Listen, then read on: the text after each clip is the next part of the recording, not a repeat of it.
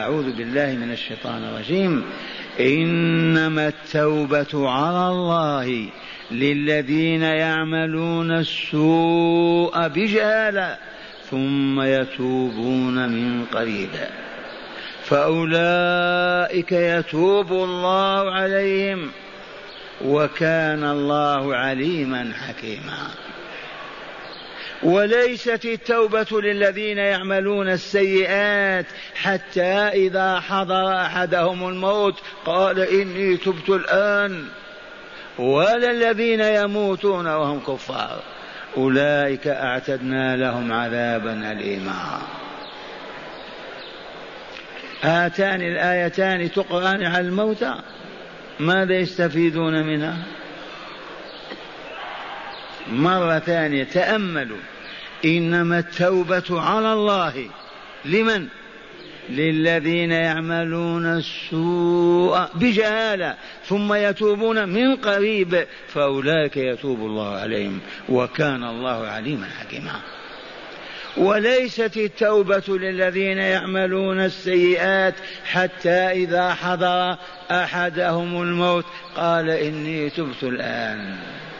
ولا الذين يموتون وهم كفار أولئك أعتدنا لهم عذابا أليما. هيا إنما التوبة على الله. أولا التوبة ما هي؟ بقلاوة شراب طعام. ما التوبة؟ التوبة الرجوع إلى الحق بعد الإعراض عنه. التوبة فعل الواجب الذي تركته يا عبد الله. التوبة هي أن تتخلى عما حرم الله بعد أن لامسته ولامسته الرجعة هي التوبة. من تاب يتوب فلان إذا رجع إلى أمره أو بلده أو عمله. فهو تائب. إنما التوبة بصيغة الحصر. إنما التوبة مقصورة التوبة التي هي على الله. وهل هناك من يوجب على الله شيئا؟ لا أبدا. مستحيل. إذ الخلق كلهم ملكه وفي يده. من يكون أقوى من الله حتى يوجب عليه أمرا؟ لا أحد. إذ لا إله إلا الله وإنما هو يتبرع يعد وينجز ما وعد فيجعل لك حقا على نفسه. يا عبده الحمد لله الحمد لله. وعد الله وهو لا يتخلف أن من عمل سوءا بجهالة. ثم تاب من قريب يقبل الله توبته ويتوب عليه. إنما التوبة على الله للذين يعملون السوء. ما السوء هذا؟ السوء ما يسوء إليك أو يسوء إلى غيرك. فقد تعمل سوءا بمعنى تؤذي غيرك به هو السوء وتؤذي نفسك أيضا به فهو السوء. يعملون السوء ما الذي يسوءنا؟ كل الأحكام الشرعية تسوءنا. ترك الصلاة منع الزكاة عقوق الوالدين ترك الغسل من الجنابة السب للمؤمنين الشتم قتلهم سفك دمائهم ماذا نقول؟ كل معصية تسوء وتحدث المساء والسيئة في نفسك. بعدما كانت النفس نقية طاهرة تصبح عفنة منتنة أعيد القول فأقول ما السيئات؟ كل من ترك واجبا أوجبه الله أو فعل منهيا نهى الله عنه إلا والله له السوء. ويحدث ذلك سوءا ظلمة وعفنا في نفس العبد. ولا يزول ذلك إلا بالمسح والتوبة الصادقة. اسمع إنما التوبة على الله للذين يعملون السوء أولا بجهالة. أما من يقول أنت نبي الله ولعنة الله عليك هذا ما لا يتاب عليه. من يعلم أن هذه الصلاة فريضة الله تركها كفر يسخى ويتركها هذا ما أهل لأن يتوب الله عليه. التوبة التي هي حق على الله أوجبها على نفسه لأوليائه المؤمنين هي أن يفعل المعصية بنوع من الجهالة. إما جهل بأن هذا واجب أو بأن هذا حرام. يحدث. مؤمن يصلي يزكي ما يعرف هذا العمل حلال أو حرام فيفعله.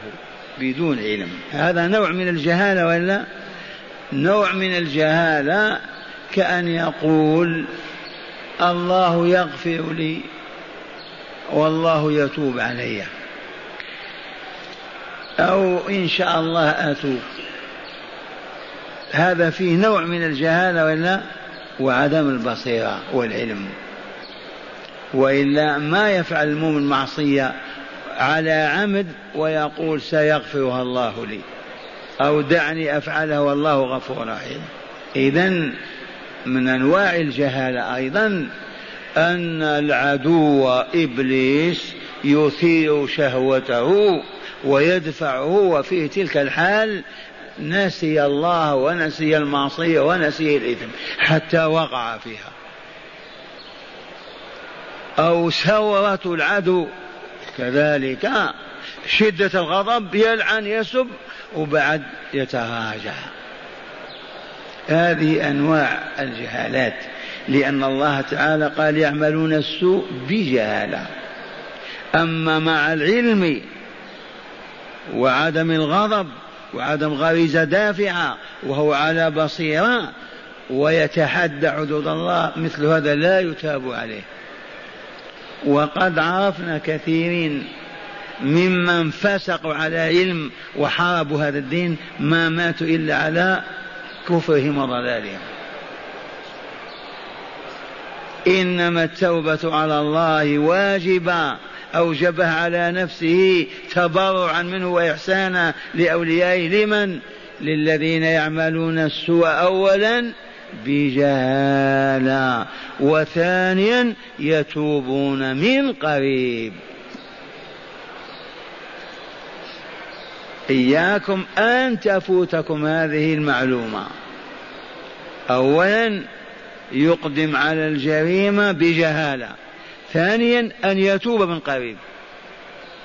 بمجرد ما تذهب تلك الصورة كأنما أفاق من نومه أستغفر الله وأتوب إليه أستغفر الله وأتوب إليه. على الفور يمحى ذلك الأثر. يتوبون من قريب. من القائل الله ولا لا؟ فلهذا يقول أهل الملة ملة الإسلام التوبة تجب على الفور. ولن تجد من يقول يجوز أن يؤخر توبته إلى يوم الجمعة وهو في يوم الخميس. أو يؤخر توبته إلى أن يعتمر أو حتى يعود إلى أهله. والله ما يوجد. إجماع التوبة على الفور. زلت القدم سقط أفاق وقام ومشى. وما سر ذلك؟ سر ذلك أن المرأة رجل أو امرأة إذا فعل المعصية من كبائر الذنوب بترك واجب أو فعل حرام ثم واصل ذلك يوما بعد يوم شهر بعد آخر عام بعد عام قد تاتي ساعة إذا قلت له تب إلى الله يسخر منك. وهذا مجرب ومشاهد. الذي يستمر على معصية يوما بعد يوم بعد يوم بعد يوم تصبح طبعا من طباعه وسجية من سجاياه وخليقة من أخلاقه ويصعب عليه أن يتركها. هذا هذا توجيه العليم الحكيم. لما يقول يتوبون من قريب؟ من بعيد قد لا يتوب الله عليهم لأن الخطايا تحوط بنفوسهم. ما يبقى مجال للتوبة. واسمع البيان النبوي الشريف. يقول إن العبد إذا أذنب ذنبا إذا أذنب ذنبا أي عمل أو قال ما يؤاخذ به من ذنبه. ويعاقب. وقع على قلبه نكتة سوداء كهذه. فإن تاب على الفور واستغفر وندم صقل ومسح. وإن لم يتب وزاد الذنب الثاني إلى جنب الأول. وما تاب. وزاد الثالث والرابع يتغطى القلب وإلا لا؟ ذلكم الران الذي قال الله تعالى فيه بل ران على قلوبهم ما كانوا يكسبون. انتهى أمرهم. وقال وأحاطت به خطيئاته. إذا أحاطت الخطايا بالقلب ما بقي مجال لأن يقبل الحق أو يسمع صوته أو يتوب إلى ربه ويقلع عن معصيته. انتهى أمره. والمثال الذي كررناه لو كنا نذكر المرض يبتدئ أحدنا واللهم عافينا. فإن عاجل العلاج وذهب إلى الطبيب ثباتم بإذن الله تعالى يشفى. فإنه استمر على عدم العلاج والمرض ينخر في جسمه وترتفع نسبته ويأتي إلى الطبيب كم وكم؟ يقول آه مع الاسف فات الحال. ما بقي مجال لعلاجك يا بني انتشر هذا الداء. هذا تعرفون عنه وإلا كذب؟ نعم أمر معلوم في العالم بأسره. قل آه لم يبق للدواء مجال. انتشر الداء في هذا الجسم كالسرطان وغيره. عافى الله وإياكم منه. ذي مادية ولا لا؟ محسوسة. فالذي يعتاد جريمة. وآسف أن أقول إنها اللواط. هذه ثبت عند أولي البصائر أن من تعاطاها لا يقوى على أن يتوب منها. وأقرب ما عندنا بالمشاهدة الدخان والشيشة والحشيشة.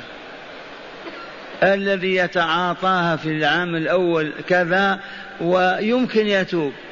والذي يستمر خمسين عام وهو يشيش أو ما يتوب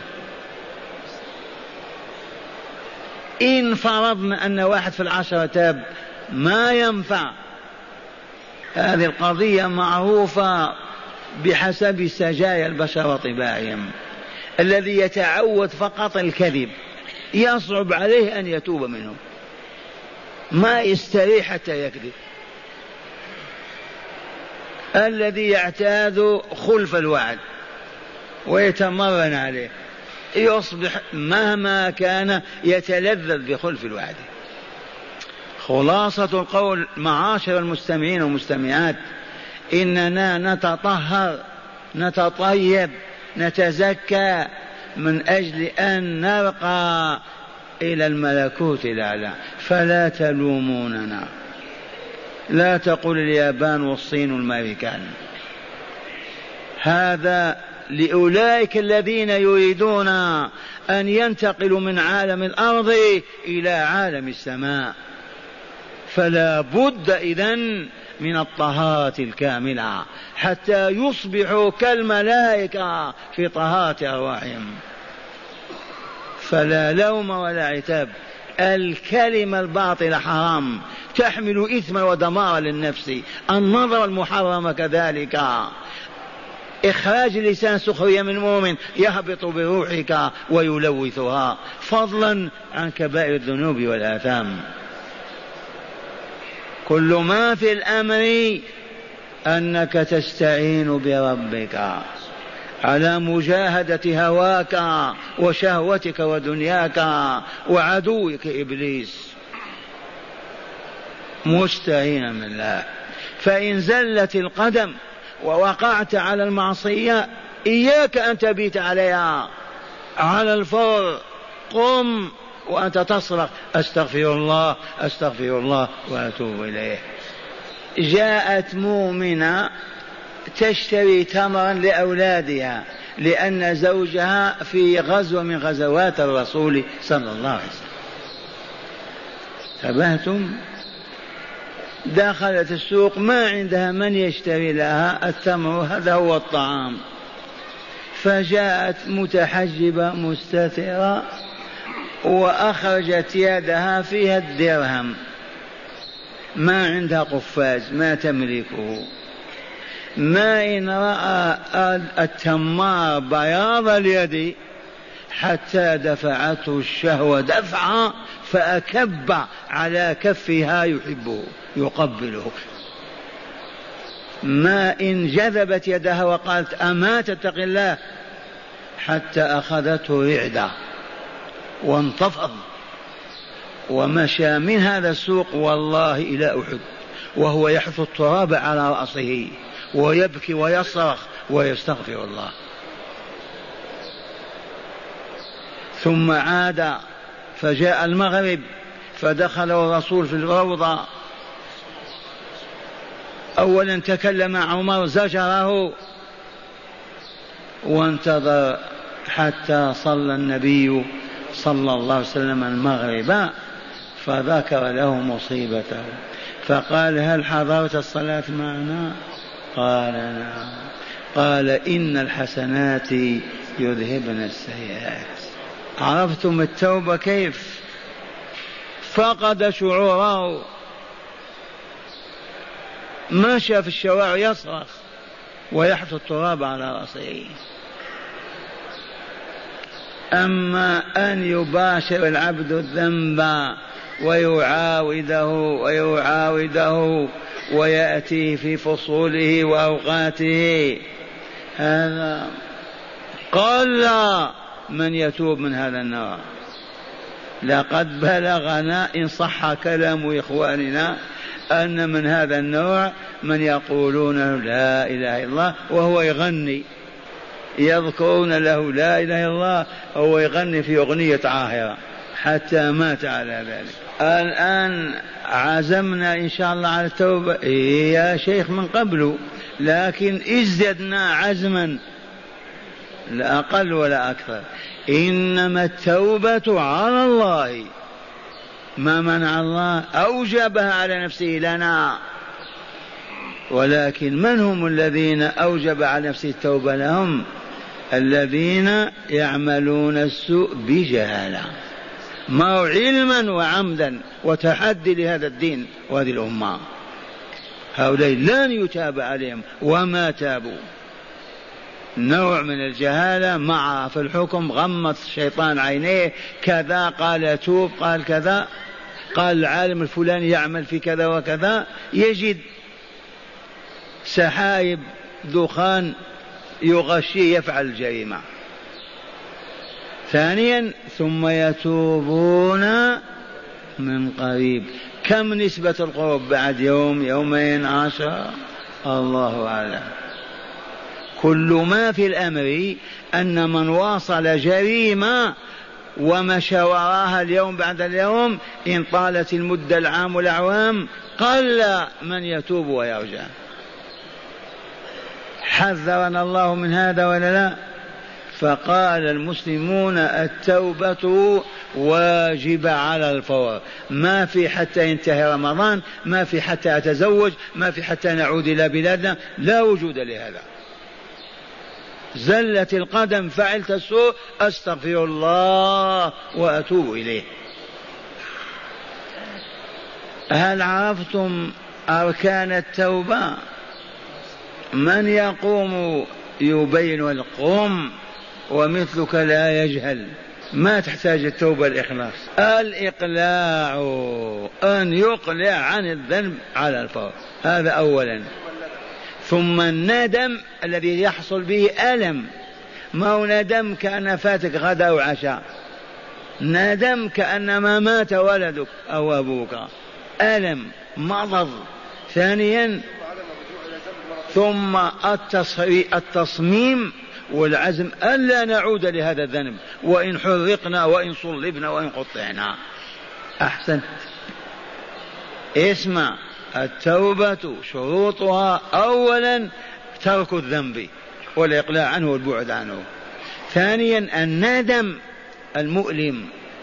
وإن من أصحاب التوبة